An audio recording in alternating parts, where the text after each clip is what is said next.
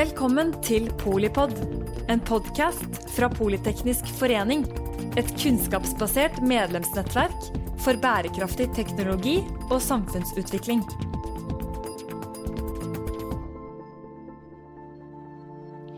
Velkommen til Full sirkel av Polipod. Dette er podkasten som gir overblikk og dypdykk i temaer innen sirkulær økonomi, slik at vi bedre skal forstå potensialet i dette nye systemet der ressurser utnyttes smartere, lengre og bedre. I dag har vi med oss en gjest som står ved roret i et spennende norsk vekstselskap som jobber med å skape en lukket verdikjede for resirkulerte plastmaterialer. Selskapet Ion springer ut fra industrikonsernet Aker Biomarine og er nå i full gang med å etablere en kommersiell modell der plastavfall blir til nye produkter i industri og næringsliv.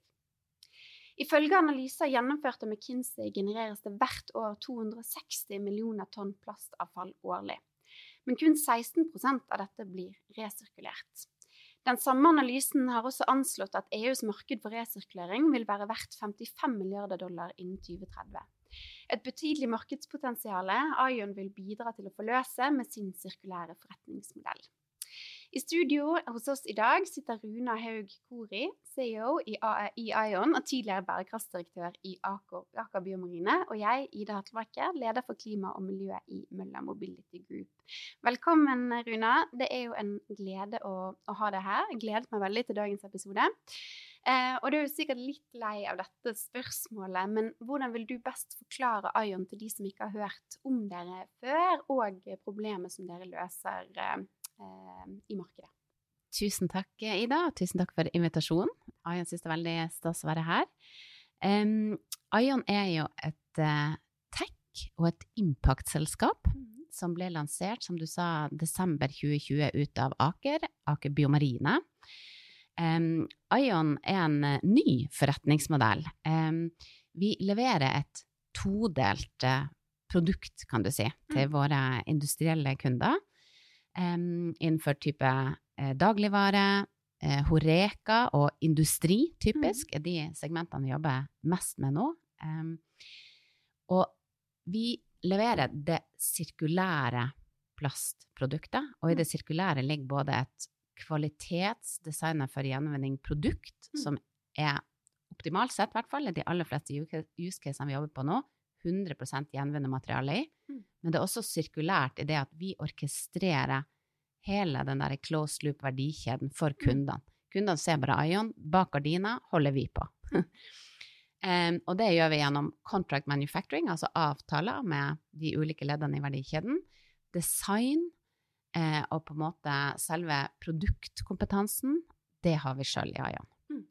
Veldig, veldig gode folk på plast og sirkularitet og produktdesign. Um, helt sentralt for Ion er også at vi har en teknologiplattform som heter Ion Loop, som vi bygger sjøl, som samler data i hvert eneste ledd i denne sirkulære verdikjeden. Og det gir jo tre primære eh, verdier, da.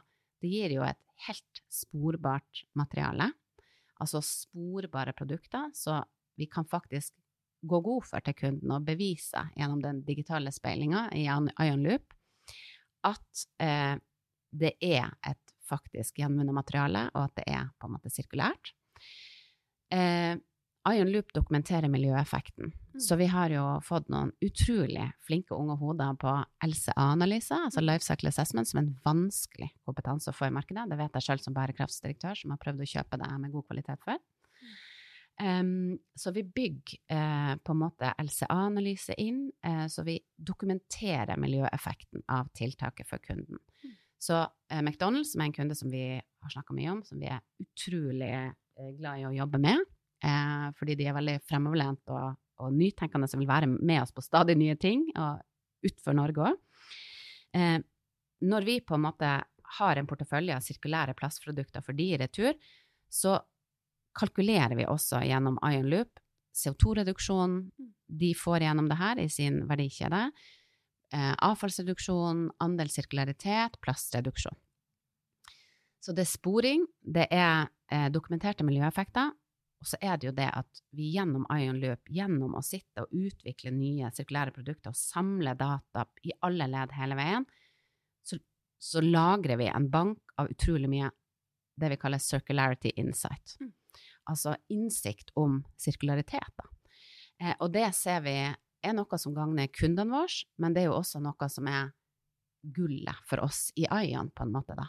Mm. Eh, fordi eh, du som har jobba med sirkularitet, vet jo også det at eh, å lage kvalitetsprodukter i gjenvunnet plast, og når de også skal bli sirkulære, det krever ikke bare at folkene våre er gode i SolidWorks og tegner det for gjenvinning, sånn at materialet flyter rett Mm. inn, at vi kan gå til en 100% inclusion rate.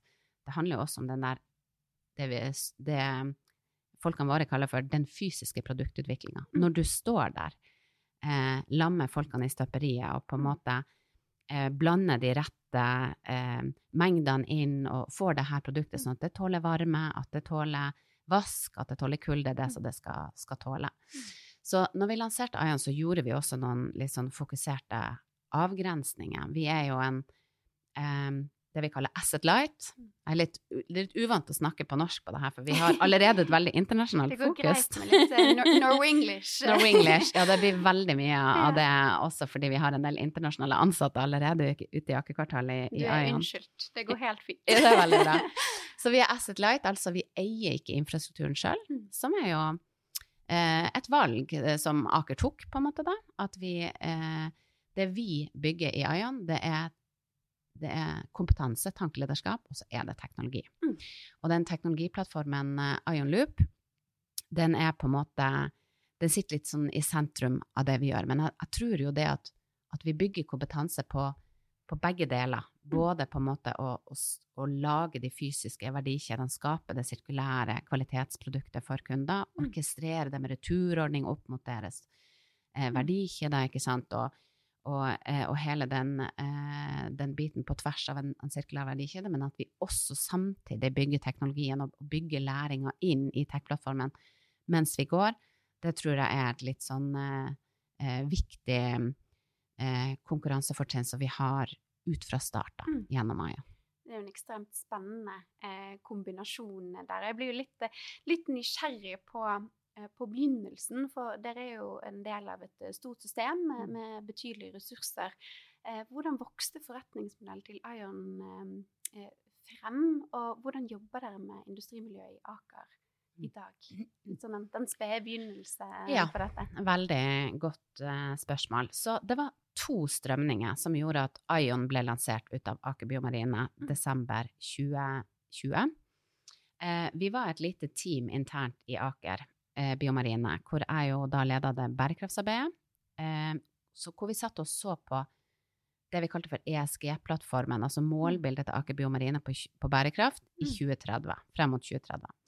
Så vi ville sette et ambisiøst målbilde som både favna bredden av det eh, på en måte eh, det avtrykket, industrielle avtrykket som Aker Biomarine har, både CO2-reduksjon, men også sirkularitet.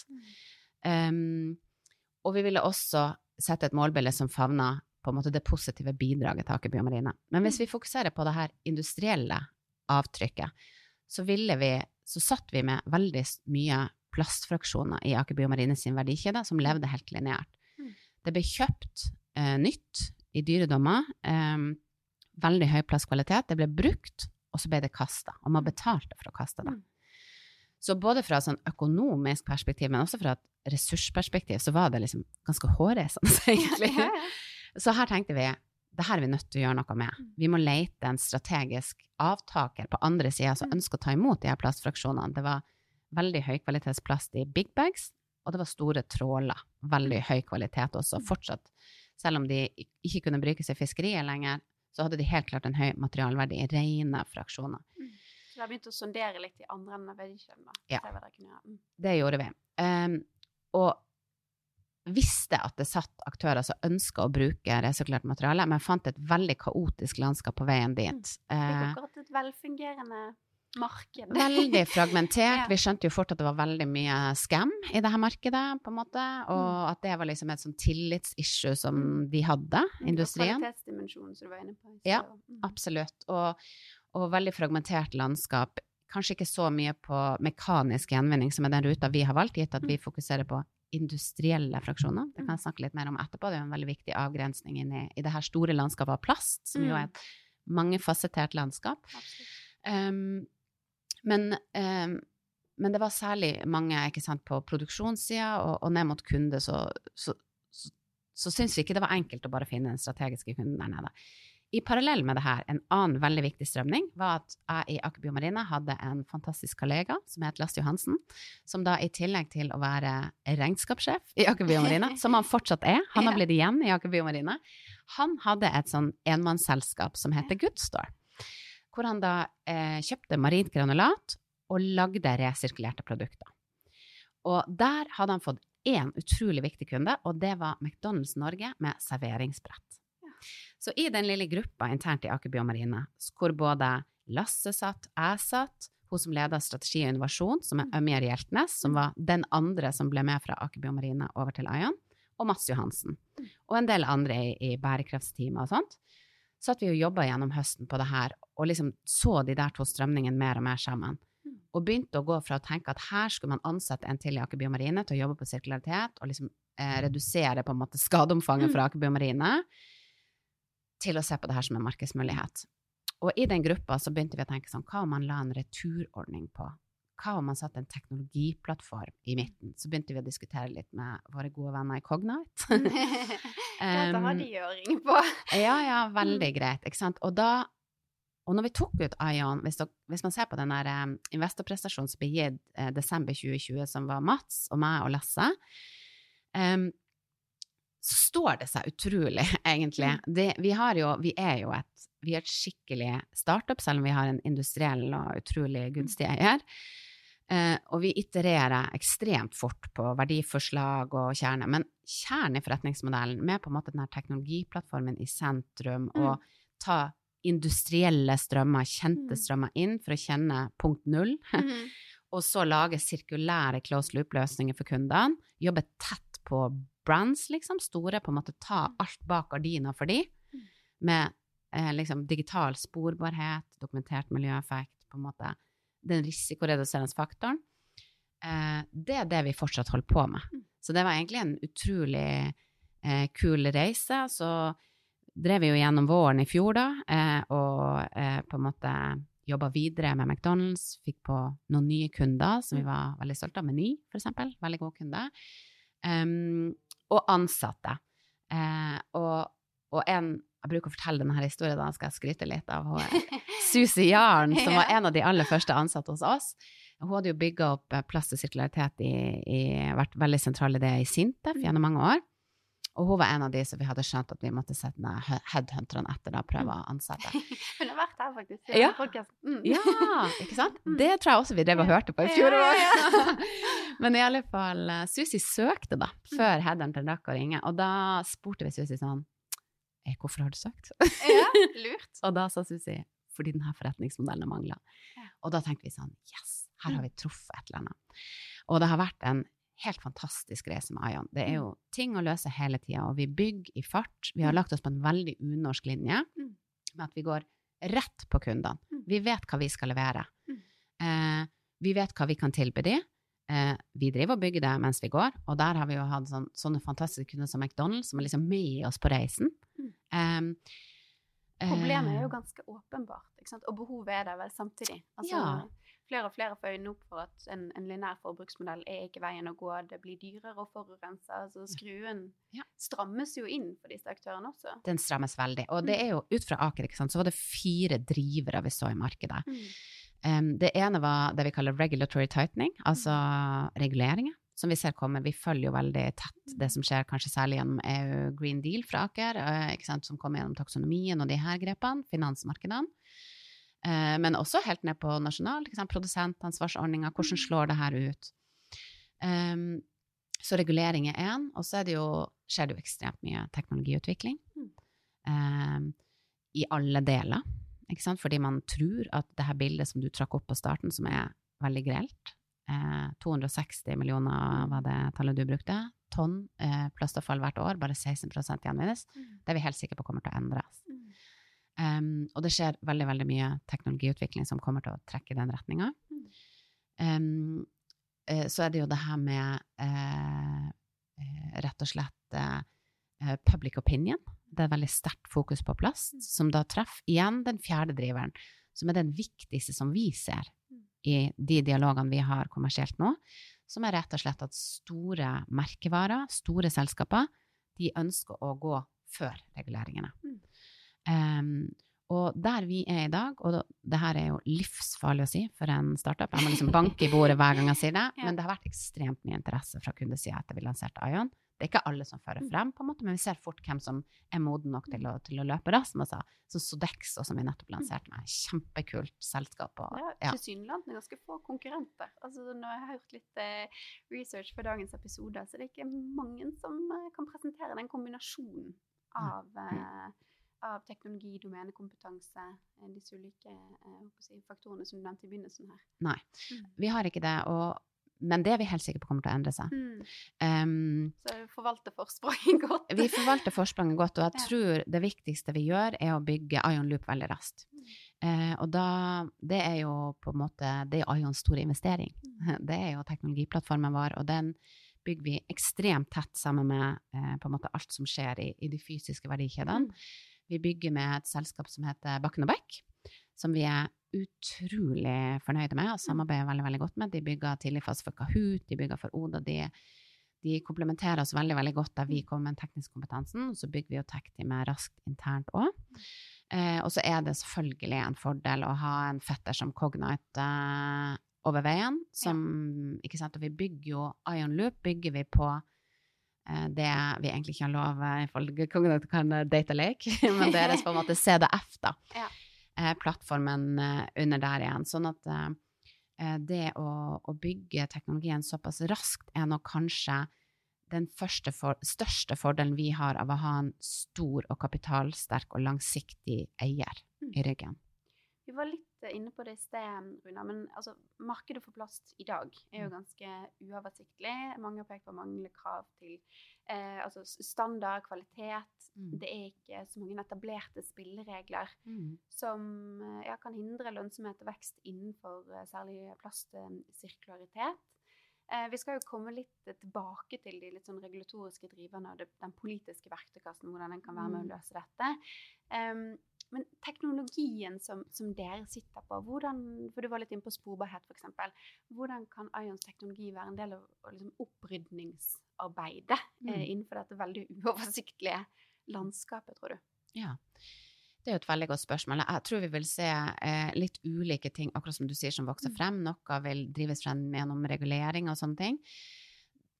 Det jeg tror er kanskje det viktigste eh, for eh, som Ion Loop kan bidra med da, til Mm. våre kunder, og egentlig alle leverandører, eller de strategiske partnerne som vi jobber med gjennom verdikjeden, ikke Mm. mekaniske gjenvinnere og, og uh, støperier og sånne ting, det er jo at vi vet at det har vært mye skam, rett og slett, Mm. innenfor gjenvinnermateriale. Eh, Et eksempel som vi ofte bruker å sitere, er Adidas, som ble trukket for retten i fjor høst eh, i Tyskland eller Nederland, fordi de hadde eh, kommunisert på en sko med 100 gjenvinnermateriale i, Mm. og så ettergikk man verdikjeden, og så stemte ikke det. Og her har nok Adidas skoen, eller det kan godt hende, ja. Mm. Og de har nok handla i beste mening her, Adidas. Men ikke sant, Den, de der insentiver for Mm. juks i industrien, de vokser jo bare når etterspørselen kom, vokser. Mm.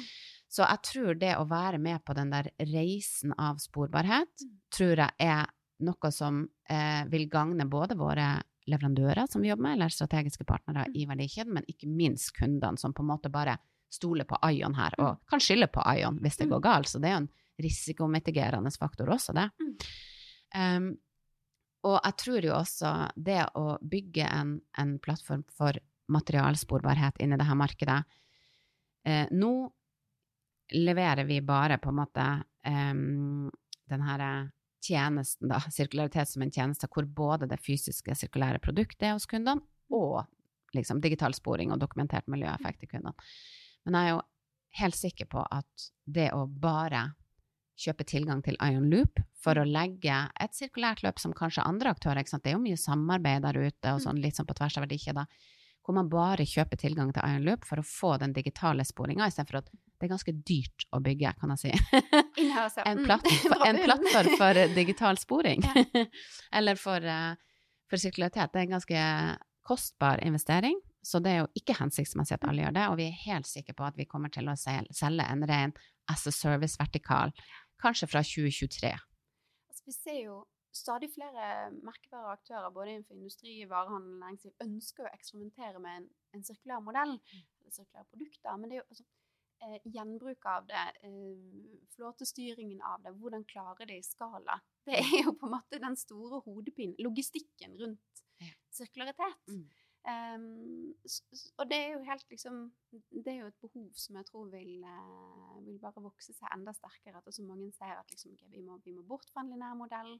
Eh, vi må eh, eksperimentere med nye eierskapsmodeller, Mm. være seg gjenbruk, utleie, eh, leasing, pant, ikke sant. Mm. Men hvordan, hvordan skal vi rent teknologisk løse det? Så det er super, superinteressant. Em, vi skal liksom heve blikket litt til, til EU-nivå, og også Du var inne på Green Deal, krav til design, produktkvalitet. ikke sant? Ifølge tall fra EU så bestemmes jo 80% av et produkts fotavtrykk i, i designfasen. Og det er jo tall som kan bli betydelig lavere ved hjelp av både selvfølgelig bruk av resirkulerte materialer, men også altså økodesign, hele designperspektivet. Eh, jobber dere aktivt og tett med kundene for å sikre at eh, produktets utforming også ivaretar eh, liksom, sirkulære prinsipper, eller er det helt opp til de hvordan de velger å designe? Driver dere på en måte med noen rå, en rådgivende funksjon der, eller? Ja.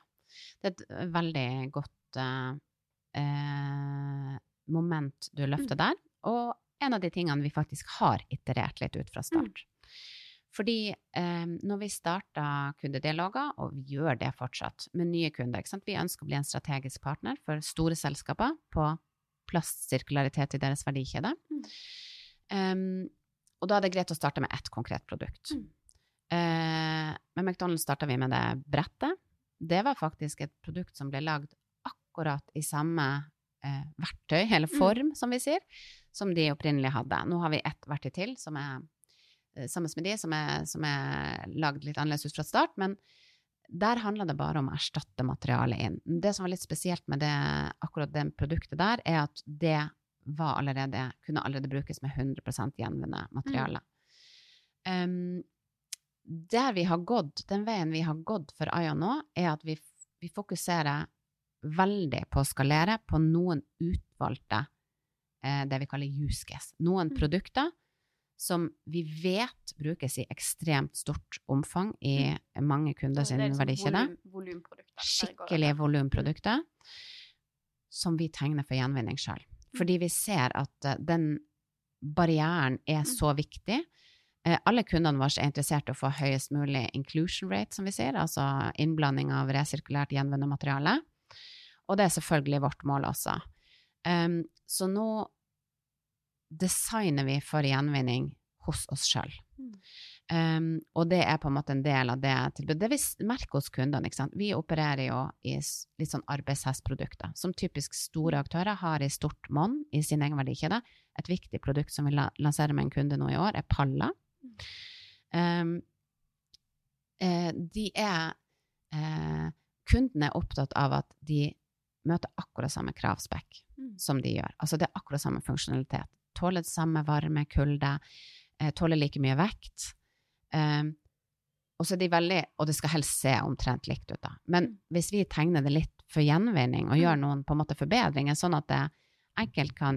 Vi lanserer jo en egen sånn kurv nå, Mm. som er designa for gjenvinning, Mm. som skal settes på et norsk støperi, faktisk. Det blir et helt norsk produkt, så det er veldig kult.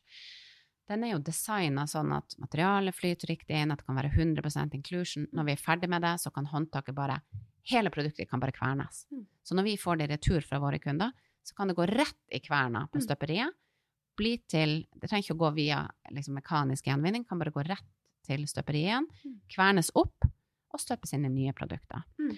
Og da er det jo Så det er jo både det at det kan lages med 100 materiale inn, men også at det er veldig lett å ta i retur, Mm. da. Mm. Eh, og på en måte kverne opp på nytt. Sånn at Mm. det her med eh, produktdesign var noe som vi ikke forholdt oss sånn voldsomt mye til ut fra start, men som Mm. er blitt veldig viktig for oss å ha inhouse, som vi sier. Altså Mm. ha internt i. Mm. Der har vi forresten en stilling ute. Så Følg med, følg med. Ja, ja. Her er det bare unge Mm. lovende. Bare følg med. yes. Um, I forhold til levetiden på produktene, hvor, hvor, hvor mye kan det gjenbrukes Mm. før det havner i, liksom, på gjenvinnings... Uh... Ja, veldig godt spørsmål. Det. og der, de, alle de juicecasene vi sitter og ser på nå, kanskje med unntak av Palla, som er mye Mm. mer langlevd, mm. Um, så, og vi har også et, uh, en, en sånn storage bin som er, er langlevd. Men de fleste andre de lever typisk sånn toårig produktliv. Typisk. En kurv, ikke sant. Mm. Handlekurv eller et brett eller sånn. Um, det vi ser, er at eh, eksempel de serveringsbrettene til McDonald's, de Mm. har vi kverna, støtt på nytt, kverna, støtt på nytt, uten problem, ni ganger. Og, vi, og fortsatt ikke sprøtt materiale, veldig fin kvalitet fortsatt. Så det er nå det vi antar minst, da. Ikke sant? Vi er jo litt sånn, vi tar jo litt sånn indrefileten, så langt i hvert fall. Det er det vi fokuserer på. Industrielle fraksjoner. Vi kjenner Mm. alltid punktet inn. Så det vi kaller sånne material offtake-kunder. ikke sant? Aker Biomarine er jo en kjensgjerning at de er det, og vi har en del andre som vi driver og tester for nå, og Mm. kommer til å lansere. Så vi kjenner materialkvaliteten vi tar inn i liksom den første loopen. Og så er jo Mm. returordninga, så de går jo mer og mer i sin, bare sin egen masse, da. Mm. Eh, Men vi kommer til å alt, vi følger jo med på alt av teknologiutvikling. Vi følger jo det materialteknologer og tidligere forskere på laget. Ja, vi har det, og, ikke sant? og vi følger jo også gjennom partnernettverket. Vi følger jo hva Mm. som skjer på kjemisk. Sant? Vi har veldig Mm. fokus på mekanisk gjenvinning nå, også fordi det er veldig CO2-effektivt. Det er en moden, flott rute. Mm. Um, men uh, vi følger jo på alt av teknologiutvikling som skjer i, innenfor plast, og det hadde i grunnen Aker gjort en stund, da, selv Mm. før vi lanserte Ion, da, skal sies.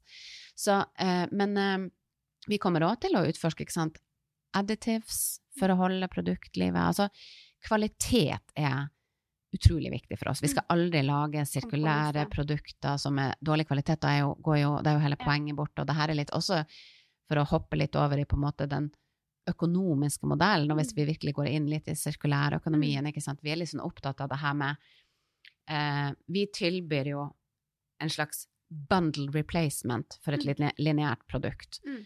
Vi tilbyr det sirkulære produktet og hele verdikjedeorkestreringa rundt det. Vi tilbyr sporbarhet har en verdi. Vi tilbyr eh, dokumenterte miljøeffekter med LCA-analyser, en stor verdi.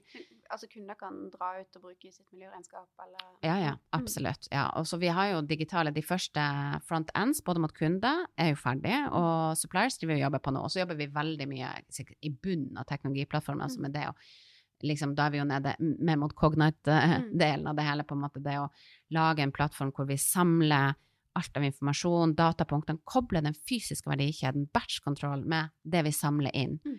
eh, av, av data, og liksom det å kunne trekke raskt, det det, er jo det som er gunstig med å bruke Cognite, eh, ikke sant, at de er eh, det de er gode på, å samle ekstremt store datasett fra eh, eksempel olje og gass, og trekke raskt trekke hensiktsmessige rapporter ut av det, Mm. og koble liksom AI på på en måte i det hvordan man, Mm. man trekker ut det man, Mm. man ønsker å se. Um, men iallfall tilbake til den her økonomiske modellen. Grunnleggende så ønsker jo altså Skal man lykkes med sirkulærøkonomi, så må man jo klare det her fundamentale med å avkoble ressursbruk og økonomisk Mm. vekst. Så hvis vi selger eh, et eh, sirkulærprodukt på en premiumpris per stykk, så har vi på en måte litt sånn perverse insentiver, både vi og kundene. eller sånn jo mer som blir ødelagt, jo mer penger tjener vi, mens Mm. hvis vi aligner motivasjonen både for oss og kunden, så er jo det at det er kvalitetsproduktet, at det skal leve lenge. Det er jo mye mindre bry for de også, hvis produktene lever mest, lengst mulig i deres verdikjede, og de bare betaler for tilgang til nok produkter. Mm.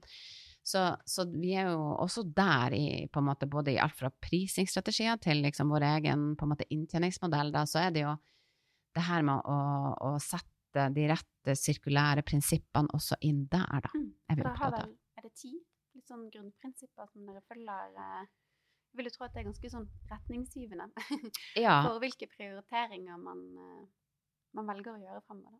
Ja. Eh, vi har jo liksom knytta oss litt til og støtta opp om de her ti sirkulære prinsippene. For å være helt ærlig, så er det, det er så indoktrinert i bare det Ja. operasjonelle hos oss. Så jeg, jeg, jeg tenker liksom aldri på det eh, liksom i en sånn liste, men det sitter veldig i ryggraden. Og vi tok jo Mm. også veldig tidlig et valg på at vi kom til å eh, Vi har en, et målbilde, på en måte det vi kaller for eh, ESG, da, eller det er liksom helt i kjernen av forretningsmodellen. Så vi styrer på et tredelt strategisk målbilde. Det ene er eh, inntekter, altså inntektsmål. Og så er det et eh, volummål som handler om hvor mye lineær plass vi erstatter med sirkulær eller gjenvunnet. da. Eh, og så er det CO2 abatement, altså CO2-reduksjon. Og det er jo ikke hos oss, men i kunders verdikjede. Og de her tre korrelerer jo helt, men vi styrer veldig på sånn tredelt målbilde. Eh, og vi har, vi har, ingen roller som heter bærekraft hos oss. Det er forutsatt at du forstår hva det vil bety, og ju, liksom ta det ut. Gjør det best practice i din rolle, da. Mm. Enten du er eh, på en måte jobber med å utvikle leverandørporteføljen vår, eller om du eh, er tech-utvikler. Skal det være en integrert del av hvordan man driver forretning? Liksom. Ja, så mm. det her med tankelederskap og sirkularitet satte vi tidlig som det, det som skal være i midten, da, og, mm. og, det som alle roller må strekke seg etter. Men vi ser jo også at det er veldig det motivasjonen til de som søker jobb hos oss, er at mm. de kommer med sin kompetanse, og så kobler de på, ikke sant, og at de eh, spesialiserer seg innenfor plast og sirkularitet og miljøavtrykk, kanskje særlig da, til en forretningsmodell. Um, vi sitter jo i Politeknisk forenings lokaler, som er jo kjent historisk for en driver av den politiske debatten, så vi kommer ikke helt uh, unna uh, noen politiske spørsmål um, heller. Men altså, dere, dere prøver jo å skalere en veldig spennende sirkulær modell i et uh, økonomisk system som, som, fortsatt i stor grad er linært, det må vi jo kunne si, selv om mm. ting er i bevegelse. Um, opplever du, Runa, at markedet egentlig nå løper litt sånn foran politikerne? Altså EU, der er det jo uh, Moment og Green Deal og Circular Economy Action Plan. Uh, men ser du f.eks. i Norge ikke sant, bevegelser rundt rammebetingelser som, som, kan bidra til å skru igjen bruken av de jomfruelige ressursene, og, og skape mer grobunn for nye selskaper som, som Ion, nye modeller som, eh, som er helsirkulære. Mm. Ja, det er et veldig veldig viktig spørsmål. Um, svaret på det er todelt. Det du mm. sier, løper markedet foran? Ja. Eller det er jo det vi opplever med våre mm. kunder, da. Én mm. etter én som vi tar ut nå, ikke sant, så de er ikke bare compliant med lovgivning mm. eller med reguleringer, de går jo forbi. Ja. Uh, så det der at uh, Men ikke sant, det, det, er jo politikk i kulissene der òg, fordi sjøl opplever jeg jo også etter å ha jobba mange år i fornybar energi, og så var jeg jo noen år i Bellona, ikke sant, liksom jobba på tvers av, av, uh, av teknologi, grønne løsninger der, og så kom til Aker i starten av 2019, og det som har skjedd gjennom kapitalmarkedene, de driverne som har kommet gjennom, og det er jo reguleringer som mm. ligger bak det igjen, da, mm. føler jeg har vært helt sånn utslagsgivende. Fordi mm. plutselig setter jo store selskaper seg kvantifiserte, målbare eh, eh, liksom tallfesta målbilder, da. Sånn som Aker Biomarine mot 2030. Mm. Og må rapportere på det på en helt annen måte enn man har gjort før. Møte risiko på en helt annen måte. Møte risiko på en helt mm. annen måte. Sånn at um, det opplever jeg en veldig viktig driver. Um, når det er sagt, ja, store selskaper går først, men det er jo helt klart at for å eh, komme dit vi trenger, så trenger vi jo helt klart politikk òg. Dette mm. markedet er jo et marked som utvikler seg i skjæringa marked og politikk, rett og slett. da. Um, og litt sånn overordna, uh, det vi ser fra Ions side, hvis vi skal tenke nasjonalt særlig, da, det her med uh, å sette i gang krav om å få på plass en større liksom, transparens og oversikt over plassen som finnes i det norske markedet og verdikjedet, og end of life, på en måte, da. Um, å få liksom oversikt over volumene, det tror vi er en, eh, en, en viktig fokus. Uh, på en måte, og det her med digital sporing kan jo være en veldig viktig verktøy inn der. Um, og så ser vi jo, og det er egentlig det globale bildet, ikke sant? vi har valgt å gå den ruta med, med, um, med sånn her eh, mekanisk gjenvinning inntil videre, i hvert fall. Mm. Um, og følg selvfølgelig med det som skjer, også med andre interesser, masse spennende selskaper innenfor eh, det kjemiske også. Men for eksempel når vi var på klimatoppmøtet i Paris, så var liksom det budskapet litt vi hadde, vi var med Aker Horizons da, Ayan, uh, inn mot investorhold. Liksom, hva, vi ser at det er veldig stor interesse i investormarkedet for en liten aktør som oss. Vi er, har store ambisjoner, vi skal skalere på tech, mm. Asset Light. Mm. Veldig stor interesse for det. Um, vi vet at det er vi trenger mer kapasitet på gjenvinningsleddet. Ikke sant? Sortering, eh, den fysiske, kanskje særlig ja, sånn mekanisk gjenvinningskapasitet, eksempel. Og, og vi ser også at hvis det er ett sted myndighetshold kunne kommet inn og kobla eh, offentlig og privat kapital for å liksom risikoutløsende, så er det i de leddene der. Både på sortering, eh, infrastruktur for, for innsamling og, og, og, den gjenvinningsleddet. Mm. Veldig, veldig viktig. Um, og så er vi jo Vi fulgte jo med eh, med stor interesse i fjor, når den sirkulære strategien skulle komme, da Rotevatn den gang holdt eh, rådet, eh, og kom med noen innspill der, og de står vi egentlig fast med, sånn helt konkret. Um, vi er jo da, opererer jo eh, på de fraksjonene som er postindustri, mm. altså ikke post-consumer, eller ikke de her Nå er de blitt lilla, de posene, i hvert fall i Oslo, som vi samler inn eh, plastavfallet i. Men det å ha et sånn industrielt alternativ til kommunen sine sorteringsposer, det har vi trua på, da. Og liksom å sette tydeligere krav om avfallssortering av industrielle plastfraksjoner hos næringsaktører. Mm. Det tror vi veldig på. Det tror vi òg hadde hjulpet kundene våre å sette klarhet i det her, for de vet jo ikke helt hva det er de sitter med som kan gå hvor, alltid i hvert fall. Mm.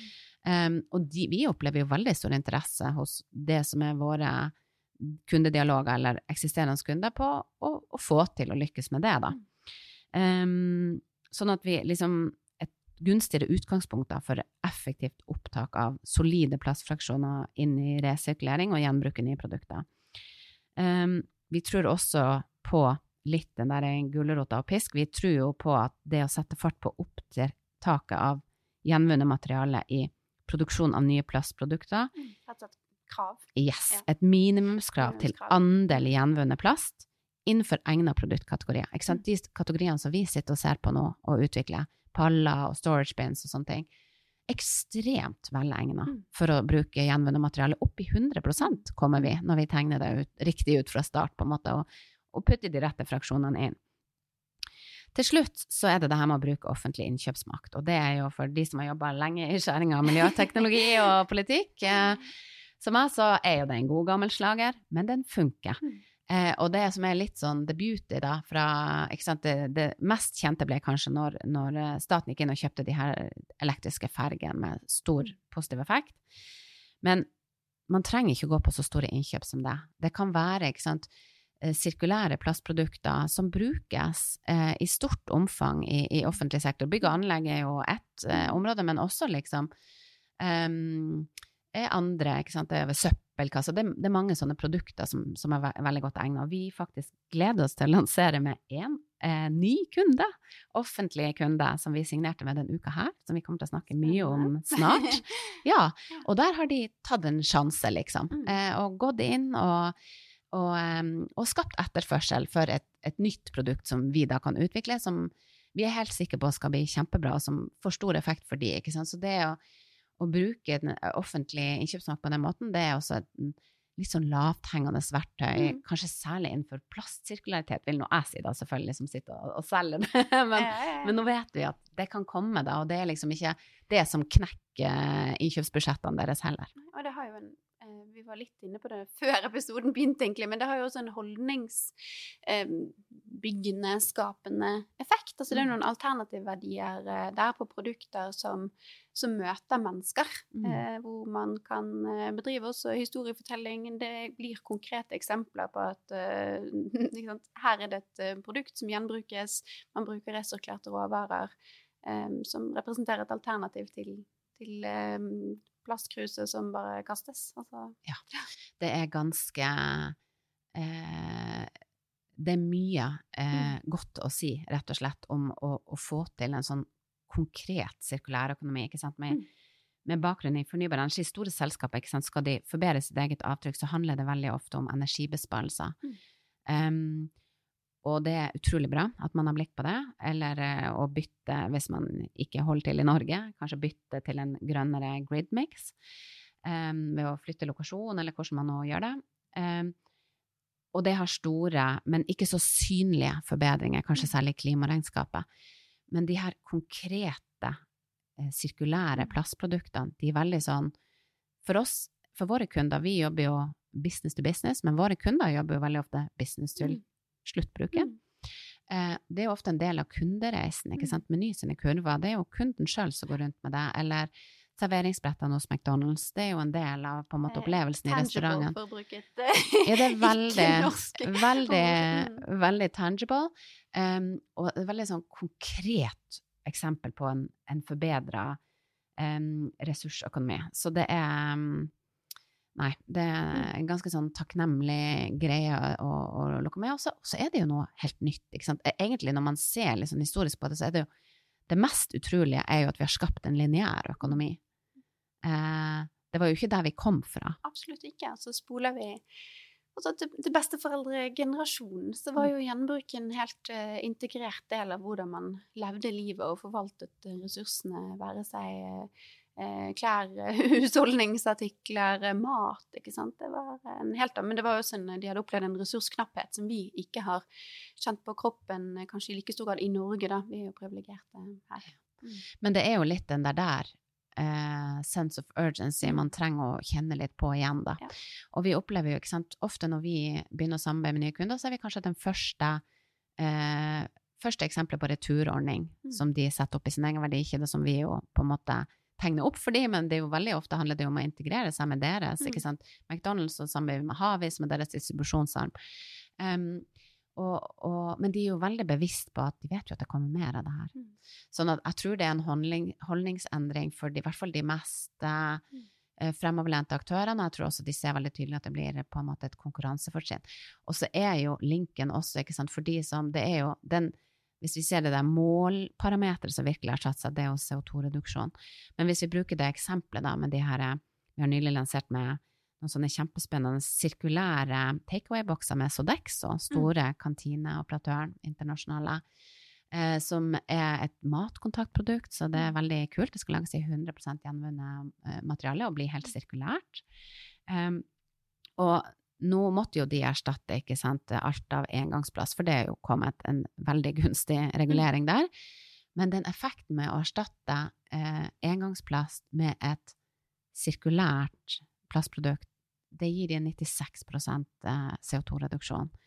Så det er jo helt enormt også på en måte den der utslippsdimensjonen. Så de her tingene henger jo sammen. Ja, ja, helt klart. Det leder meg litt inn på det siste spørsmålet. Du nevnte jo at dere hadde vært på COP, ikke sant? Og i dag er det jo bare åtte år til 2030. Um, og det, det begynner virkelig å haste. Og, og som du sa, altså koble hvordan vi forvalter og bruker ressursene våre med klima- og naturkrisen. For jeg opplevde liksom sirkulær økonomi at det, liksom, det kanskje lever litt for seg selv. At man ser ikke hvordan dette her henger så utrolig tett eh, sammen. Man kan ikke gjøre det ene uten å gjøre det andre. Um, hva håper du å Dette er litt personlige spørsmål, sånn sett, men hva håper du å være stolt over å ha fått til når vi kommer til 2030? Hva håper du at liksom blir arven etter Ion? Ikke bare 2030, men Ja, ja. lengre perspektiv. Eh, Jeg håper at vi har lykkes med å skalere den kommersielle impact-modellen vår mot det Mm. der eh, ganske ambisiøse målet på 60 millioner dollar, som vi ønsker å tjene allerede i 2026. Eh, fordi at det at vi klarer å lykkes med å skalere en, eh, en kommersiell modell på den måten, henger så ekstremt tett sammen med det volummålet, hvor mye plast vi klarer å ta fra lineært forbruk Mm. til sirkulær forbruk.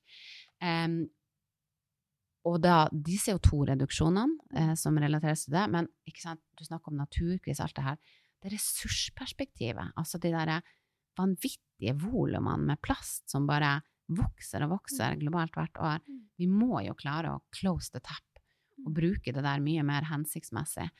Um, og, og fortsette å bruke plast der det er hensiktsmessig. Det er et veldig godt materiale, det er en grunn til at det er så populært.